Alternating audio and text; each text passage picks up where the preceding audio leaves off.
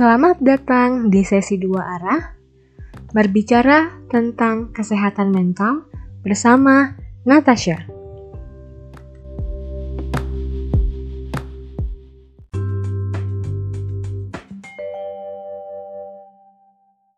Episode 2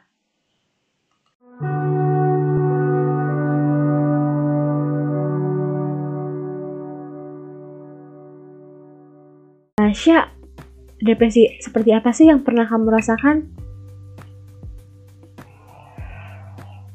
Depresi yang menurutku waktu itu tuh aku sampai nggak bisa yang namanya beraktivitas dengan baik gitu kalau misalnya aku fase itu gitu. Nah kalau misalnya aku lagi ada di fase depres itu aku kayak bukan males sih tapi cenderung uh, aku nggak bisa ngelakuin apa-apa jadi aku nggak aku benar-benar kehilangan minat untuk melakukan sesuatu hal bahkan hal yang aku sukai gitu. Dan aku cenderung ke sensitif terus um, bahkan pun juga kayak nangis nggak jelas bahkan nggak ada penyebabnya gitu. Tapi itu kan nggak ada penyebabnya tapi tuh di dalam otak itu kayak ke trigger ke trigger sebuah uh, keinget terus yang namanya luka-luka yang di masa lalu atau luka yang di masa kecil gitu. Kayak gitu sih. Aku lebih ke kayak gitu. Dan aku pernah terdiagnosa itu awalnya depresi mayor. Apa itu cak? itu kayak depresi yang sebenarnya sama dokternya nggak dijelasin sih itu tuh apa. Cuman aku pernah it, eh, lihat itu di komputernya gitu kan. Sebelum aku terdiagnosa sama yang bipo itu. Mm-hmm. terus habis itu aku searching kan di rumah. Terus ternyata itu kayak depresi yang emang tingkatnya tinggi gitu. Tingkatnya udah banget banget kayak gitu. Tapi emang semasa aku hidup aku di aku ini emang aku lebih cenderung ke depresinya daripada ke manik atau ke seneng yang berlebihan gitu. Oh, tapi eh, itu berkelanjutan apa? Itu termasuk uh, penyakit serius gak sih? Menurutku sih, menurutku, menurut yang aku alamin itu termasuk serius. Karena apa? Karena itu sangat mengganggu aktivitas. It's okay orang bisa bilang bahwa I can struggle tentang hal itu gitu. Tapi nggak semua orang tuh bisa gitu. Bisa aja orang yang bilang kayak gitu karena dia punya support system atau dia karena lingkungannya baik. Terus iya bisa lah hal-hal yang membuat dia ngomong kayak gitu. Tapi kan nggak semua orang tuh bisa kayak gitu gitu. Dan support terus kayak rangkulan itu yang diperlukan karena apa ya yang aku pernah aku tuh pernah loh aku tuh jadi uh, pembicara di zoom tentang kesehatan mental gitu hmm. berbagi nah itu kan yang ikut zoom itu kayak rata-rata gitu loh udah ada yang mahasiswa dan sebagainya tapi ketika aku dengar mereka itu bukan gimana ya mereka itu masih kayak uh, ngerasa jadi kan aku ya aku tuh pernah ngerasain sebelumnya uh, lebih awal daripada mereka gitu kan. Jadi mereka itu masih ngerasain namanya uh, gimana ya itu tuh kayak hal yang di bawah-bawah gitu. Ibaratnya bikin mereka tuh self diagnose dan lain sebagainya. Tapi maksudku tuh gini intisarinya adalah banyak pengetahuan yang sebenarnya belum mereka dapatkan gitu. Maksudnya tentang apa sih itu yang namanya sedih, apa sih itu namanya depres, apa sih itu namanya uh, sakit ini, sakit itu, kenapa sih uh, ada ada yang namanya psikosomatik dan sebagainya gitu. Tapi mereka itu sebenarnya masih edukasinya masih kurang banget. Terus karena salah satunya juga lingkungannya tuh ternyata juga banyak yang seperti aku maksudnya dari per, uh, dari background orang tua yang misal kurang edukasinya tentang hal kayak gitu. Ya mungkin orang-orang tua kalau misal kita lahir di orang tua zaman itu akan terbuka dan akan open minded dengan topik yang seperti itu. Tapi kalau misalnya orang-orang yang zaman dahulu mungkin ya yang penting aku tuh sekolah pintar bisa cari uang hidupmu enak gitu. Tapi kan no tidak seperti itu namanya hidup tuh. Kalau kalau kita cuma mikirin hidup seperti itu hidupmu terlalu sempit ibaratnya kayak gitu. Karena kita terlalu mikirin duniawi gitu. Hmm, oke. padahal oke. padahal kalau misal kita mau fisik yang bagus itu jiwa kita juga harus bagus serius. Karena aku sendiri merasakan banyak banget pengaruh ketika aku memiliki mental yang cedera itu sangat berpengaruh ke fisik sangat gitu Oke, Syah. Tadi kan kamu bilang kamu tuh lebih ke gejala yang peris eh, merasakan peris- peristiwa-peristiwa traumatis gitu kan ya. iya Eh, tapi apakah kamu memiliki penyakit kronis yang serius? Kalau penyakit eh, maksudnya yang bikin penyakit fisik ya? Iya, entah apa pun itu. kalau penyakit fisik no aku nggak ada sebenarnya. Cuman kalau misalnya diagnosa dari dokter kena mental illness salah satu penyakit di mental illness aku ada. Gitu. Tapi kalau misal kayak penyakit misal kayak eh, apa sih kecelakaan yang bikin post traumatis atau gimana aku nggak ada sih kalau kayak gitu Oke. ada Tadi kan kamu juga ngomongin kamu nangis gitu kan. Sebenarnya kalau untuk aku Iya. sendiri, eh, aku sering banget nih ngerasain nangis, murung sedih. Cuman eh, aku nggak tahu loh kayak misalkan aku punya mental illness apa enggak. Aku juga tidak ingin mendiagnosa aku sendiri. Cuman iya eh, apakah nih orang yang merasakan sedih terus, sedih melulu, sedih murung, nggak mood, eh, perasaan sedih yang mendalam, nggak peduli tentang orang lain atau gimana gimana, apakah itu selalu depresi? Hmm, kalau menurutku sih, kalau menurutku tuh kalau kamu tahu ketika sedih kamu tuh ada penyebabnya itu belum ditaraf gitu. Tapi kalau misalnya kamu emang udah sedih yang itu tuh berkelanjutan dan enggak ada, eh, maksudnya kamu sampai kehilangan minat, aktivitas dan se- itu tuh berkelanjutan, enggak yang sehari sembuh sehari enggak kayak gitu. eh, menurutku itu masih ke- dalam tahap yang stres atau kalau bahkan stres itu kan bisa bikin nangis bisa bikin tekanan dan sebagainya tapi kan setahu setahuku ya mungkin ya depresi juga ada tingkatannya orang aku juga pernah uh, terdiagnosa mayor itu kan nah. Mayor itu berat ya? iya. Hmm, oke oke, terus? iya. Jadi um, itu tadi. Jadi aku juga nggak terlalu gimana ya nggak terlalu mengerti juga sih tentang hal itu. Tapi kalau misal kamu merasakan itu sepanjang waktu bahkan kamu kamu bisa kok kita tuh bisa kok bikin track gitu kita download di apa sih App Store kayak gitu uh, track yang mood mood gitu loh. Oh iya iya tahu track tahu. itu ya kita bisa kok lihat dari situ. Kita sebenarnya banyak mananya sih depressnya atau banyak senengnya. Dari situ tuh kita bisa lihat kita bisa nge- ngerti gitu tentang diri kita. Tapi kalau misalnya kita cuma ngitung doang dan memperkirakan itu nggak bisa gitu. Maksudnya nggak bisa dalam masuk ke kriteria mana gitu. Karena kita kan juga pasti ada lupanya aktivitas kita juga banyak sebagainya. Iya sih. karena apa ya?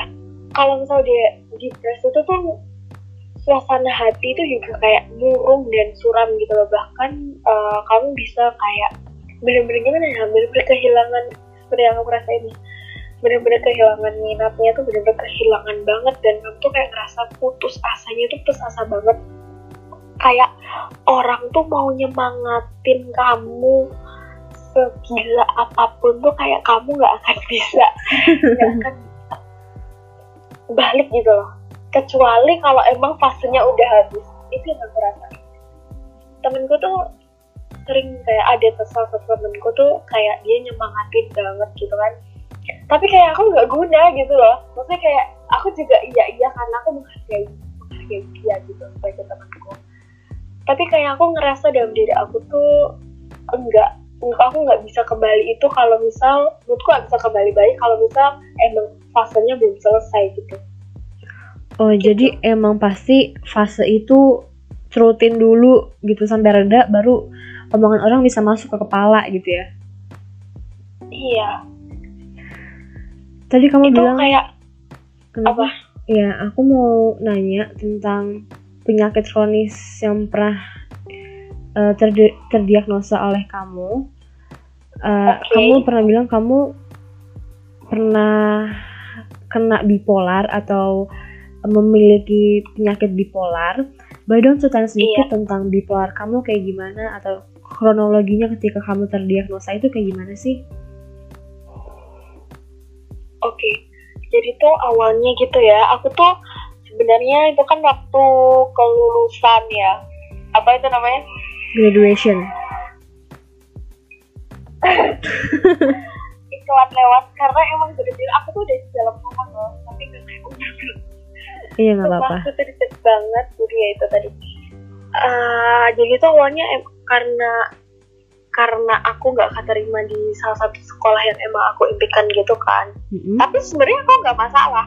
Hatiku tuh lost gitu loh. Misalnya hatiku tuh menerima dan ikhlas karena aku nggak keterima itu. Tapi bukan aku yang bisa ikhlas, tapi adalah sekelilingku. My parents dan lain sebagainya itu menganggap uh, ya banyak banget lah caci makian yang disudutkan olehku sedangkan uh, mereka-mereka tuh tidak pernah tahu bagaimana strugglingku nih setiap harinya belajar setiap harinya mengulas materi dan lain sebagainya. Ada salah satu perkataan yang emang bikin aku drop terus berhari-hari tuh aku kayak nangis dan lain sebagainya. Sebenarnya aku tuh uh, nangis dan sebagainya itu nggak cuma pada saat itu tapi juga waktu SMA itu aku juga sering banget nangis tiba-tiba dan sebagainya. Terus uh, setelah itu aku ke dokter tapi ke dokter umum kebetulan dokter itu tuh masih muda. Dan di situ ternyata adiknya itu ternyata dia juga mengidap penyakit yang sama terus aku dirujuk uh, ke salah satu rumah sakit yang ada di Jogja. Itu padahal hari pertama masa taaruf uh, hari pertama ospek kalau di tempat itu nyebutnya masa taaruf soalnya.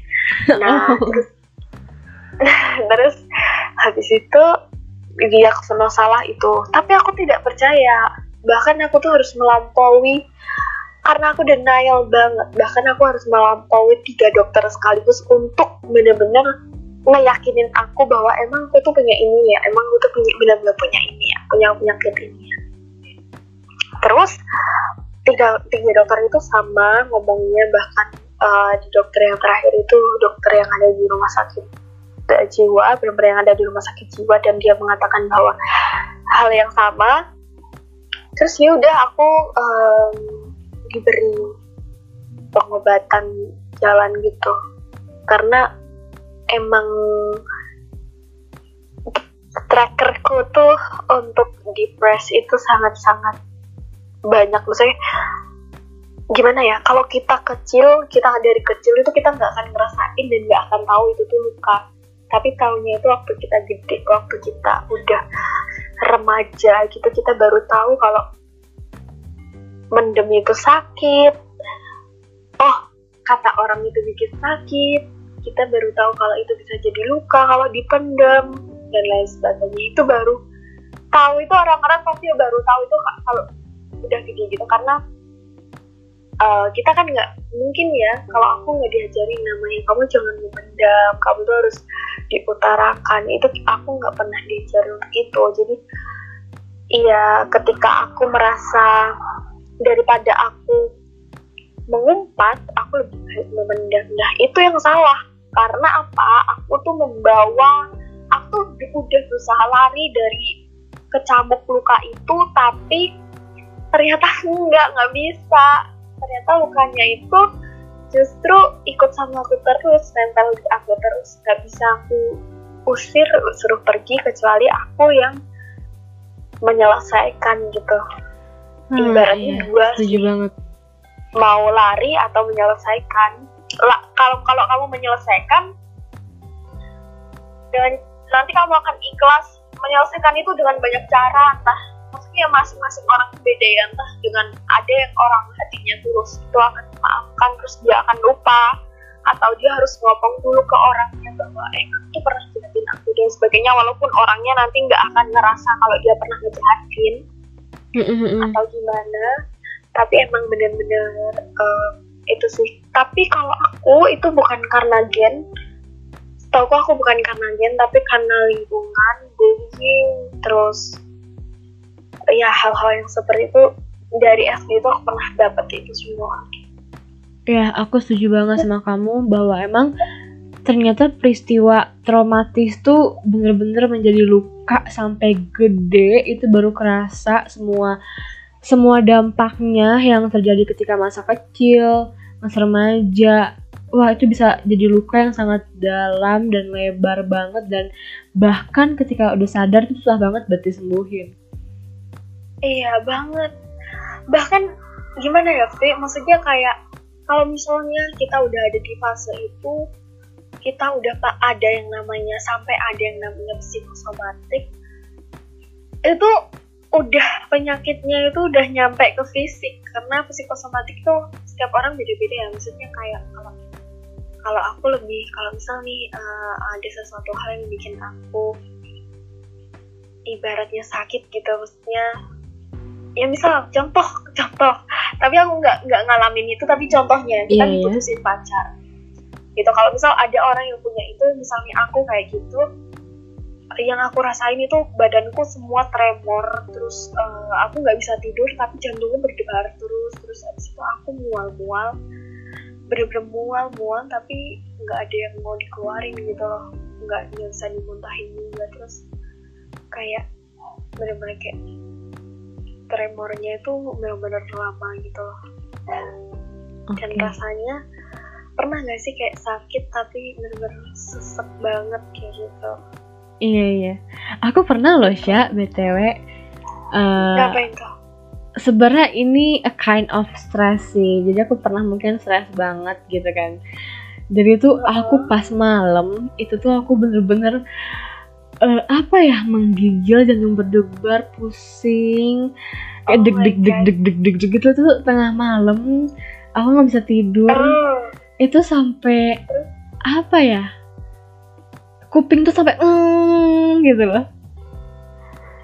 Itu padahal Really? sebenarnya nggak tahu nggak tahu depres gitu stres. Aku mungkin nggak nggak ingin mendiagnosa sendiri gitu ya. Cuman mungkin ini stres aja gitu. Eh, ya itu deg deg deg deg deg, sampai mm, sampai uh udah tuh pusing banget deh. Serem sih. Iya. sama makanya ini. itu Apa tuh? keringetan. Uh, keringetan baik banget. iya banget banget banget makanya aku tuh bener-bener ngejaga banget nih sih yang namanya toxic people kayak aku bener-bener bahkan pun kalau misal ada cowok aku tuh males jujur males banget eh, ada di fase hubungan karena trust issue gitu lah misalnya kayak kamu tuh beneran gak sih sama aku tuh ah laki sama aja dan sebagainya karena aku pada umur um, 15 tahun aku pernah dapet toxic itu relationship. Jadi tuh aku pernah eh, di aduh dilempar pakai helm di pinggir jalan karena aku jealous gitu dia deket sama temen gue. Wajar dong. Mm-mm. itu 15 tahun itu umur 15 tahun bener-bener umur 15 tahun di pinggir jalan nggak ada sama sekali yang nolong aku tapi ada yang lihat cuman nggak nolong. Ya, mungkin mikirnya apa sih kayak gitu. Maksudnya dia lagi ngapain sih gitu. Hmm, kamu berarti Terus- digetok pakai helm sama pacar kamu di pinggir jalan gitu ya? yes bener. Itu yang emang bikin maksudnya kayak untuk memulai hubungan tuh jadi mikir gitu. Dia gitu lagi nggak ya? Dia bakal gini aja di lagi tapi tahu nggak sekarang dia sama siapa? Sama temen gue sendiri. Ya udah. Eh btw tadi aku bukan tentang hubungan loh ya stresnya. Cuman eh, tiba-tiba ketika inget aja gitu oh aku pernah nih kayak gini gitu. Ngerasain kayak jantung berdebar gitu. Kalau untuk hubungan aku jujur nggak pernah ngerasain hal-hal gitu-gitu sih. Serem-serem Oh, juga iya. karena oh karena itu mungkin bisa jadi eh, luka.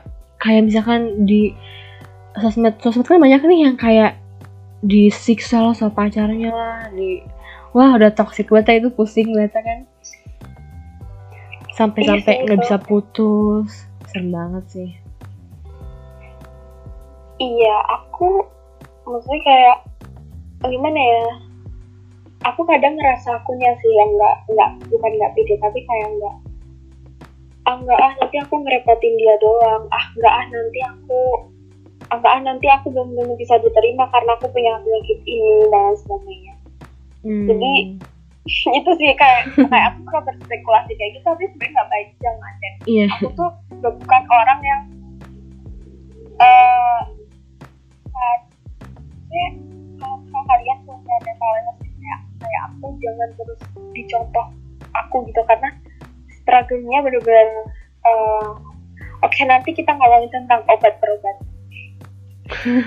Oke. Oke, kita langsung aja ke soal pengobatan nih. Pengobatan pengobatan atau atau healing apa sih yang yang kamu lakukan Sya ketika kamu mengalami depresi tadi, bipolar tadi? Oke, jadi kan sebenarnya aku tuh masih dalam tahap minum obat kan, tapi karena aku eh, dilarang untuk dilakukan itu ya karena itu tadi tidak well educated, maksudnya apa sih ngapain sih dan sebagainya. Jadi kadang kan aku kayak harus em, diam-diam untuk melakukan itu. Jadi aku memutuskan untuk berhenti, walaupun sebenarnya ketika aku ketika aku kontrol lagi tuh aku sebenarnya kayak udah di warning kemarin untuk kamu jangan kayak gini ya kalau misalnya kamu niat untuk eh, sembuh ya kamu harus rutinkan lagi tapi kayak kan aku mau berangkat ke sana tuh masa iya sih aku harus bohong dan sebagainya jadi kan untuk izinnya tuh juga susah gitu. Dan masa iya sih harus minumnya secara diam-diam dan sebagainya. Dan itu kan gak akan bertahan lama karena kan, kan pasti juga nanti akan terbongkar ibaratnya dengan sendirinya. Nah, maka dari itu aku menyarankan bahwa aku tidak jangan dicontoh kalau misal cerita yang baik boleh dicontoh, tapi kalau tentang pengobatan jangan karena ini udah di luar batas. Maksudnya kayak bahkan pun tahu nggak resikonya apa? Resikonya adalah aku banyak sekali menemui fase depres daripada fase kemanik. Walaupun dalam dalam fase manik tuh aku ide itu bisa berterbaran, inovasi-inovasi itu bisa gila-gila. Ya mungkin salah satu karena sebelumnya adalah inovasiku. yang itu, Oke. tapi itu tadi fase depresnya lebih banyak terus berkurangnya minat untuk yang kadang kuliah terbengkalai karena maksudnya aku prefer untuk hiburan dan sebagainya bahkan kalau misalnya kalau di kalau di fase mental drained maksudnya aku kelelahan mental yang luar biasa itu aku nggak mau ketemu siapa-siapa gitu. Tapi kan nggak semua orang paham. Contohnya kayak kemarin lebaran gitu lebaran idul fitri gitu kan aku bener-bener lagi mental drained aku pengen tiduran tapi kayak aku disuruh keluar disuruh keluar aku nggak mau gitu aku bener-bener nggak mau karena emang susah. Gimana ya, dari hati tuh susah banget. Iya ngerti ngerti. gitu capek banget tapi nggak bisa diungkapin capeknya karena apa gitu Sya, BTW berarti semua pengobatan dari awal kamu cek ke dokter, terdiagnosa sampai kamu eh, rawat jalan obat-obatan itu, itu semua kamu pakai biaya sendiri, pakai biaya pure sendiri gitu. iya awalnya ada BPJS sih cuman karena aku pindah-pindah dokter jadi biaya sendiri Itu biaya sendiri dalam tanda kutip uang tabungan kamu. iya iya dong Berarti ini kamu termasuk ini ya, diem-diem. Penyakit ini kamu keep diem-diem sendiri gitu loh. Gak kasih tau orang tua pada awalnya.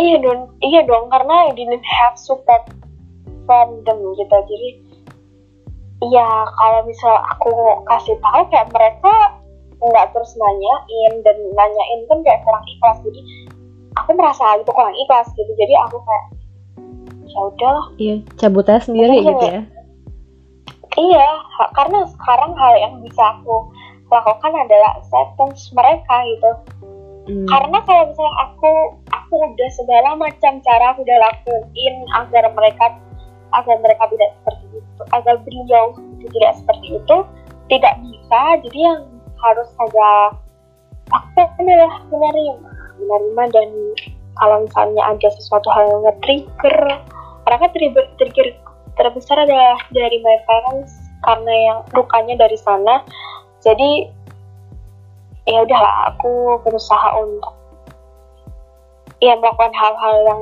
supaya aku tidak ke trigger gitu Oke oke.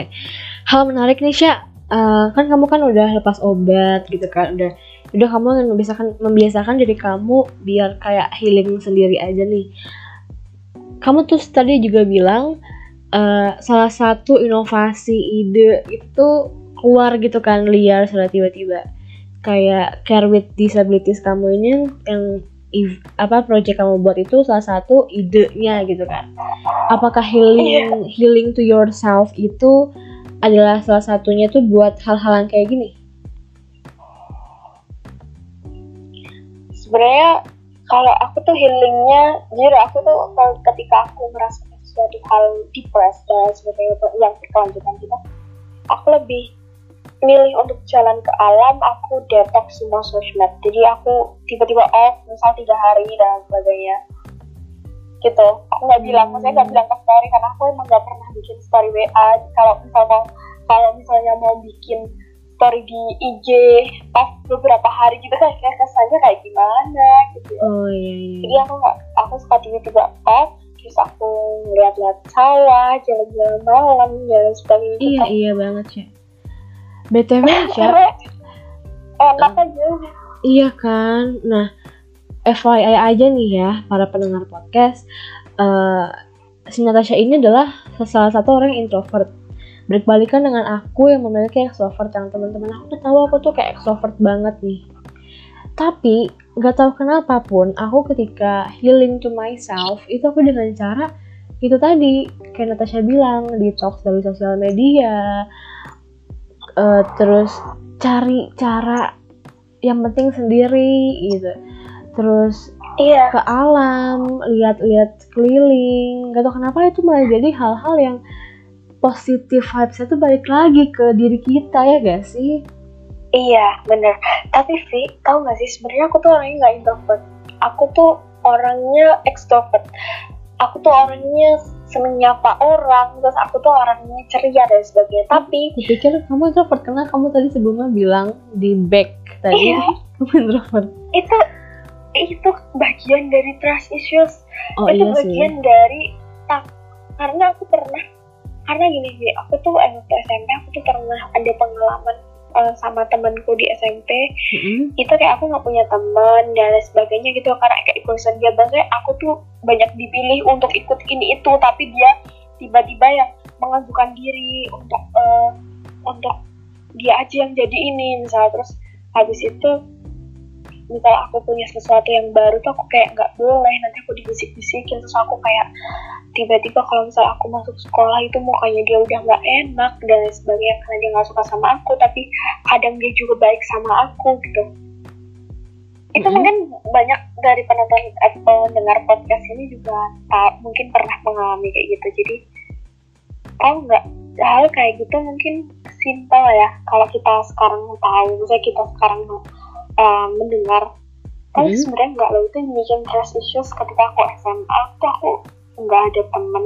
Bahkan teman-temanku yang sekarang maksudnya yang sering kumpul sama aku temen SMA tuh cuma sebatas temen. Hmm. kan nggak waktu SMA tuh aku duduknya sendiri loh. Enggak ada temen. Jadi aku kalau misal salat duha ke masjid itu aku sendiri terus aku juga sendiri bahkan sampai kayak adik kelasku yang dulu dia di SMP juga pada SMP juga. Dia dia waktu SMA tuh kayak bingung gitu ngeliatin aku karena kok suka sendiri suka menyendiri terus kalau apa apa tuh sendiri terus ke tuh sendiri dan sebagainya. Jadi sekarang tuh untuk kembaliin ke Natasha yang dulu Natasha yang tidak seperti ini sangat susah karena kita di trust issues. Bahkan iya sih jadi berubah Iya. banget sebenarnya gimana ya itu termasuk apa ya? Saya bukan bullying sih. Cuman kayak si temen aku itu tuh bener-bener kayak dia itu kadang baik gitu kan. Kalau ada maunya tuh dia baik. Kalau misalnya aku suruh nemenin ke mana tuh baik. Tapi kadang tuh dia kayak eh misal nih aku tuh ngelakuin hal yang dia nggak suka atau ih kok ih kok Natasha tuh ngelakuinnya kayak gini sih? Terus dia bisik-bisik ke temennya jadi itu termasuk apa ya? Oh, eh sebenarnya toxic toxic temen toxic aja gak sih? Iya sih kayaknya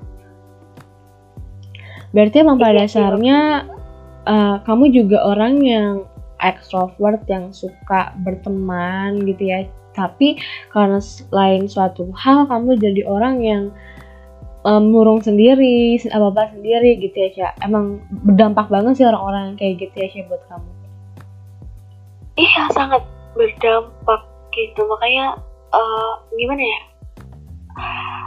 Itu tuh bekas loh maksudnya tahu nggak di SMA tuh aku jadi mikirnya kayak gini aku nggak mau temenan ah aku nggak mau ngegeng ah karena aku takut nanti kalau gitu nanti jadinya akan seperti ini jadinya akan seperti ini. Bahkan aku eh waktu SD kan itu juga pernah mengalami banyak hal bullying lah terus eh perundungan maksudnya ya bullying sih termasuknya dan sebagainya kayak gitu. Jadi gimana ya maksudnya kamu tuh nggak pernah tahu loh apa yang kamu lakuin ke orang itu efeknya kayak gimana. Selalu selalu kayak gitu. Dan aku tahu nggak sih aku nggak sombong atau apa? Serius aku nggak sombong tapi cuma aku hanya melihat walaupun aku belum sukses walaupun aku belum maksudnya aku belum jadi seseorang yang seperti apa seperti apa. Tapi bisa dilihat Pi, sekarang bahwa orang semesta dan takdir Tuhan itu nggak pernah salah dan nggak pernah dusta. Karena apa? Karena Tuhan itu tahu kamu tuh dulu ngapain? Kamu tuh dulu diapain? Dan orang itu tuh dulu ngapain kamu? Walaupun dia walaupun dia ditanyain dia nggak pernah ngerasa jahat dan sebagainya tapi Tuhan tuh tahu gitu dan. Kamu tahu maksudnya kayak kamu bisa eh, aku bisa lihat bahwa terdapat perbedaan antara aku dan dia untuk sekarang. Bahwa ketika aku SMA dan sebagainya bisa dilihat gitu siapa yang lebih berkembang dan lain sebagainya. Iya iya iya. Ngerti tapi ngerti. di situ ini kayak makanya itu enggak sombong tapi aku hanya mengingatkan bahwa untuk untuk pendengar podcast semuanya bahwa kita nggak bisa loh meremehkan terus kita nggak bisa loh berlaku seenaknya kepada manusia karena semesta dan takdirnya itu nggak pernah dusta jadi nggak pernah dusta itu akan itu berlaku ya tuai. Sya berlaku tapi tapi emang mungkin nggak sehari atau dua hari setelahnya tapi lihat aja nanti di waktu yang pas dan waktunya akan pas serius. Makanya kamu bisa lihat itu. Lihat aja ya nanti yang ngapain kamu. Misal kamu pernah dibully Vi, kamu pernah dibully lihat aja nanti yang ngebully kamu akan seperti apa? Iya. Begitu. Itu pasti karena itu terjadi di hidupku. Itu hukum yang pasti. Apa pun yang kamu lakukan pasti akan kembali ke kamu. Makanya jangan pernah jadi orang jahat sedikit pun deh. Iya bener Sebatas kita ngeremehin orang pun jangan karena kita nggak akan pernah tahu gitu. iya iya Sekarang dia emang kayak gitu, tapi kita nggak akan pernah tahu. Oke Sya, balik lagi ke healing myself-nya. Eh, tadi Oke. kita bilang kita suka ke alam, kita suka lebih suka menyendiri. Tapi satu hal nih Sya, yang ini kayak the power of healing to myself. Tahu gak apa? Apa tuh? Ibadah, sholat. Sama sama aku baca Quran juga. Iya, itu satu satu hal yang kayak emang tiba-tiba nih kayak ada uh, sprinkle-sprinkle dari atas terus yang kayak pring pring pring terus kayak selang langsung senang seneng lagi terus kayak ada something happen something something yang kabar baik tuh datang atau enggak kayak sesuatu yang Allah berikan tuh kayak ini nikmat buat kamu nih. Kamu udah ngerasain struggle ini nih nikmat buat kamu nih uh, imbalannya gitu kayak. Itu sih sholat baca Quran itu emang kayak magic banget sih. Iya. Makanya aku tuh selalu percaya kata-kata bahwa uh, bahkan pun di Al-Quran juga ada ini yang tersirat mengatakan bahwa kalau misalnya kamu tuh sekarang menanam sedih-sedih yang berkali lipat itu suatu hari kamu diberi banyak kesenangan yang berkali-kali lipat juga gitu sama sedihnya itu tadi. Jadi kayak aku selalu percaya itu dan aku selalu percaya takdirnya tuh nggak pernah dusta. Maksudnya kayak takdir Allah tuh nggak pernah dusta maksudnya benar-benar nyata gitu. Bisa iya. dilihat gitu loh maksudnya apa ya karma itu tuh ada dan itu berlaku gitu. Iya, entah dia dicatin balik atau apa pun itu tapi biarlah Allah itu yang berkuasa yang menjalankan itu semua gitu. Bahkan kan ada nih yang uh, ada kata-kata bahwa kalau misalnya nih kita dijahatin orang kita berdoa aja. Lihat aja orang itu nggak pernah aman hidupnya karena dia udah jahat ke kamu kamu berdoa karena dia karena perlakuan dia kamu adukan semua ke Allah orang itu nggak akan tenang hidupnya. Lihat aja serius lihat aja. Iya iya. Jadi kayak uh, pokoknya kita terus berserah diri kita terus berusaha gitu kan. Pasti aku yakin Tuhan pasti bakal uh, ngasih gitu loh. Nggak bakal diem aja. Masa kita dikasih uh, bawah terus yang jahat-jahat terus yang sedih-sedih terus. Enggak aku nggak mungkin. Terus aja berusaha pasti bakal dikasih juga nikmatnya. Berarti ya uh, dari kita ngomongin tadi nih pressure yang paling kamu rasain dan kita rasain itu dari dari sisi orang tua pendidikan teman itu yang paling kerasa buat kamu itu apa sih? Dari ketiga itu orang tua ya. pendidikan teman impact maksudnya tekanan yang kamu dapat nih yang kamu dapat pressure itu kebanyakan dari orang tua pendidikan atau teman? Parents sih. Kalau pendidikan tuh enggak. Teman itu kalau sekarang no tapi pernah iya. Kalau pernah iya. Tapi paling banyak kalau sampai sekarang udah parents gitu karena bingung sih maksudnya uh, aku kadang tuh dalam hati suka udahlah kalau misal kalau misalnya emang nggak siap untuk nikah jangan nikah dulu. Emang nggak siap untuk punya anak jangan punya anak dulu. Karena sebenarnya yang minta punya anak itu bukan bukan kita untuk dilahirkan tapi emang yang melakukan yang minta kan.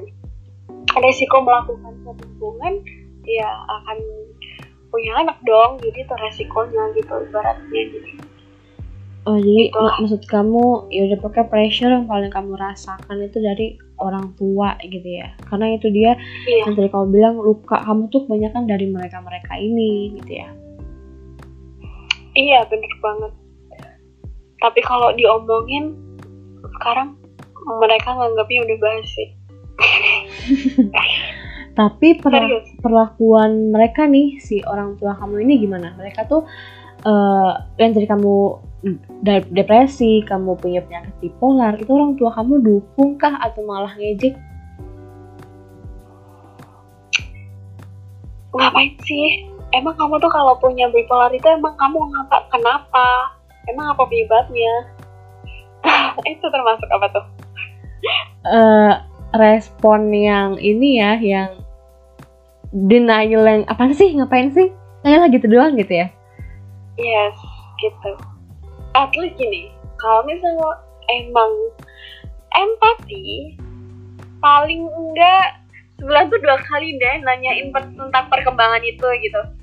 Maksudku gini loh emang kita jauh secara kilometer tapi kalau misal tentang ibu dan anak untuk nyempetin tanya kayak gitu nggak akan lupa dong harusnya walaupun sebanyak apa pun pekerjaan gitu tentang hal-hal kecil pun nggak akan lupa dong harusnya ya kan tapi karena hmm. it's okay aku bisa menerima segala hal alasannya jadi ya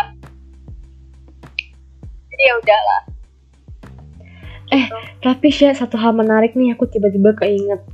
Jadi itu aku pernah di aku tuh pernah ikut event event gitu. Terus itu loh TED Talks tau kan? apa tuh Eh ada jadi tentang mental illness gitu pokoknya tema topik event kala itu. Nah, aku nonton di TV lah. Aku nonton bareng sama kakek eyangku. Nah, eh aku bilang kayak gini.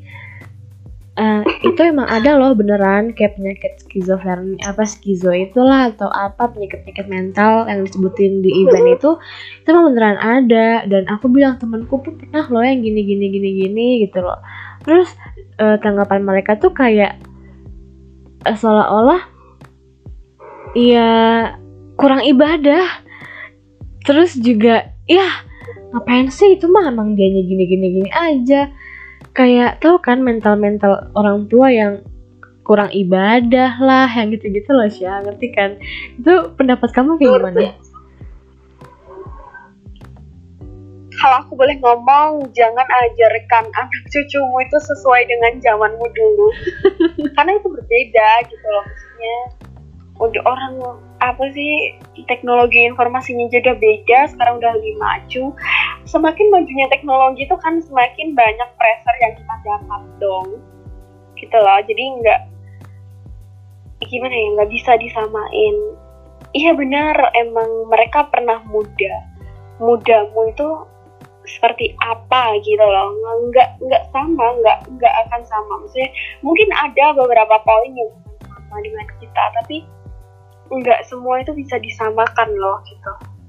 Kalau misal kita bisa cerita satu sama lain di masa mudamu seperti apa di masa mudaku seperti apa kita tukar opini itu namanya. Iya. Itu kan jauh lebih asik kan. Tapi kalau misalnya kekeh dan egois keras kepala pengen menang maksudnya ya aku tuh udah pernah muda jadi aku tuh udah tahu dari sebagainya iya benar. Aku sekarang juga muda. Tapi kalau soal misalkan orang nih, orang punya mental illness, terus dihubung-hubungkan dengan ibadah, akankah itu seperti itu? oke gini. Menurut aku kan pernah ke psikolog ya. Jadi aku dikasih tahu bahwa eh, fisik dan fisik. Intinya setiap orang itu punya empat atau berapa gitu. Yang pertama ada fisik ada psikologis ada pokoknya itu ada empat komponen. Ada fisik psikologis eh, sat- terus religi sama satu lagi aku lupa apa. Atau tiga itu ya aku lupa. Intinya itu saling berkaitan bener tapi tahu nggak sih kalau misalnya em, gini. Kalau misalnya aku aku juga bingung sih sebenarnya mau ngomongnya gimana. Tapi korelasi itu ada dalam sifat menenangkan. Ya. tapi kalau untuk menyembuhkan untuk menyembuhkan itu menurutku lebih ke komponen lainnya karena itu tadi maksudnya eh, kalau misalnya kita nih dalam hal fisik itu juga dalam hal fisik ada tapi dalam eh, hal psikisnya nggak ada religinya nggak ada kan itu sama aja tumpang itu emang butuh religi juga. Tapi kalau misalnya fisik ada religi ada terus fisik itu maksudnya obat itu nanti psikisnya ada ada itu maksudnya support systemnya terpenuhi dan sebagainya itu akan jadi satu komponen yang pas. Tapi kalau misalnya salah satunya tumpang itu juga menurutku akan mempengaruhi. Tapi kalau eh, gimana ya aku tuh pernah dapet kata-kata bahwa itu tuh kalau kita karena kurang ibadah itu sesuatu hal yang kurang tepat. Betul tapi kurang tepat. Karena eh, pasti dong pastor pasti dong ustadz itu juga pernah merasakan depres dan sebagainya gitu. Iya iya benar-benar. jadi kalau misal itu disangkut pautkan benar maksudnya ya mungkin ada benernya cuman iya itu tadi sih maksudnya kayak kalau kayak gitu tuh kurang well educated toh I- iya sih. saya nggak nggak nggak akan ngerti juga kan. Sebenarnya balik lagi ke yang tadi kita bilang gak sih? Ibadah tuh salah satu healing to myself-nya aja. Relasinya tuh di situ ketika uh, kamu tahu nih obat untuk healing to myself-nya apa ibadah oke. Kan kan sesuatu yang menenangkan. Baca Al-Quran juga apa? Baca Al-Quran tuh biar, biar apa sih? Oke biar tenang. Eh, sendu apa ya apa ada al- alunan-alunan Al-Quran tuh bikin uh, relax gitu. Terus sama kita mendapatkan kata-kata dari arti arti Al-Quran tuh uh, juga ilmu yang bermanfaat buat kita. Kalau kita uh, dapat hal-hal energi positif dari ibadah itu ya udah uh, emang gitu loh. Tapi kalau untuk yang kayak mental illness pasti kurang ibadah itu enggak banget karena ya a- ahli-ahli agama juga banyak kali yang punya depres atau kan semua manu- semua manusia pasti kan punya jatuh bangun punya pemikiran atau masalah yang dihadapi beda-beda kan cobaan yang beda-beda. Itu maksud itu nggak bener banget sih Iya. ya kan kayak apa sih orang-orang mikirin kayak selalu kurang ibadah kurang iman kayak apa sih gitu loh. Contohnya gini loh Vi kayak itu kayak kita dalam bahkan pun aku ya maksudnya aku tuh ikut juga uh, mentoring dengan salah satu ustazahku Mm-mm. tapi aku tuh juga maksudnya ibarat em, dalam agama tuh aku selalu menerapkan itu semua gitu. Tapi itu akan percuma gitu kalau misalnya kita nggak akan spiritualitas kita itu tuh bagus tapi kita nggak nggak punya eh, manifestasi yang baik dalam support system maksudnya hal yang memenuhi itu tuh akan sama aja gitu menurutku ya Iya, bener. ibarat kita teka- eh, kita dapat tekanan terus di dalam dunia nyata tapi kita ya tetap sholat sholat sholat terus kita ibadah ibadah ibadah emang siapa sih yang nggak tertekan Vi? Iya, butuh butuh maksudku eh, butuh juga support system lainnya orang tua Iya. atau pendidikan yang gimana gimana didikan yang benar itu harus sinkron Heeh, harus balance kalau kalau misal kalau misal kayak gitu kalau cuma misal eh, ibadah maksudnya kayak spiritualitas aja yang di bawah orang-orang yang ada di pesantren itu nggak akan ada yang depres nggak akan ada yang seperti ini seperti itu kan. It's okay kamu eh, sholat dan sebagainya tapi kamu setiap hari dibully siapa yang nggak tertekan kalau kayak Iya. gitu itu kan udah masalah personal lagi kan. Lagi kan kita nggak tahu nih batas seseorang tuh kayak gimana. Makanya kalau misalkan orang-orang meremehkan mental illness tuh ini tuh penyakit gitu loh. Suatu hal yang nggak bisa disamakan sama hal-hal spiritualitas tadi. Nggak selalu ya. Bang Mm-mm.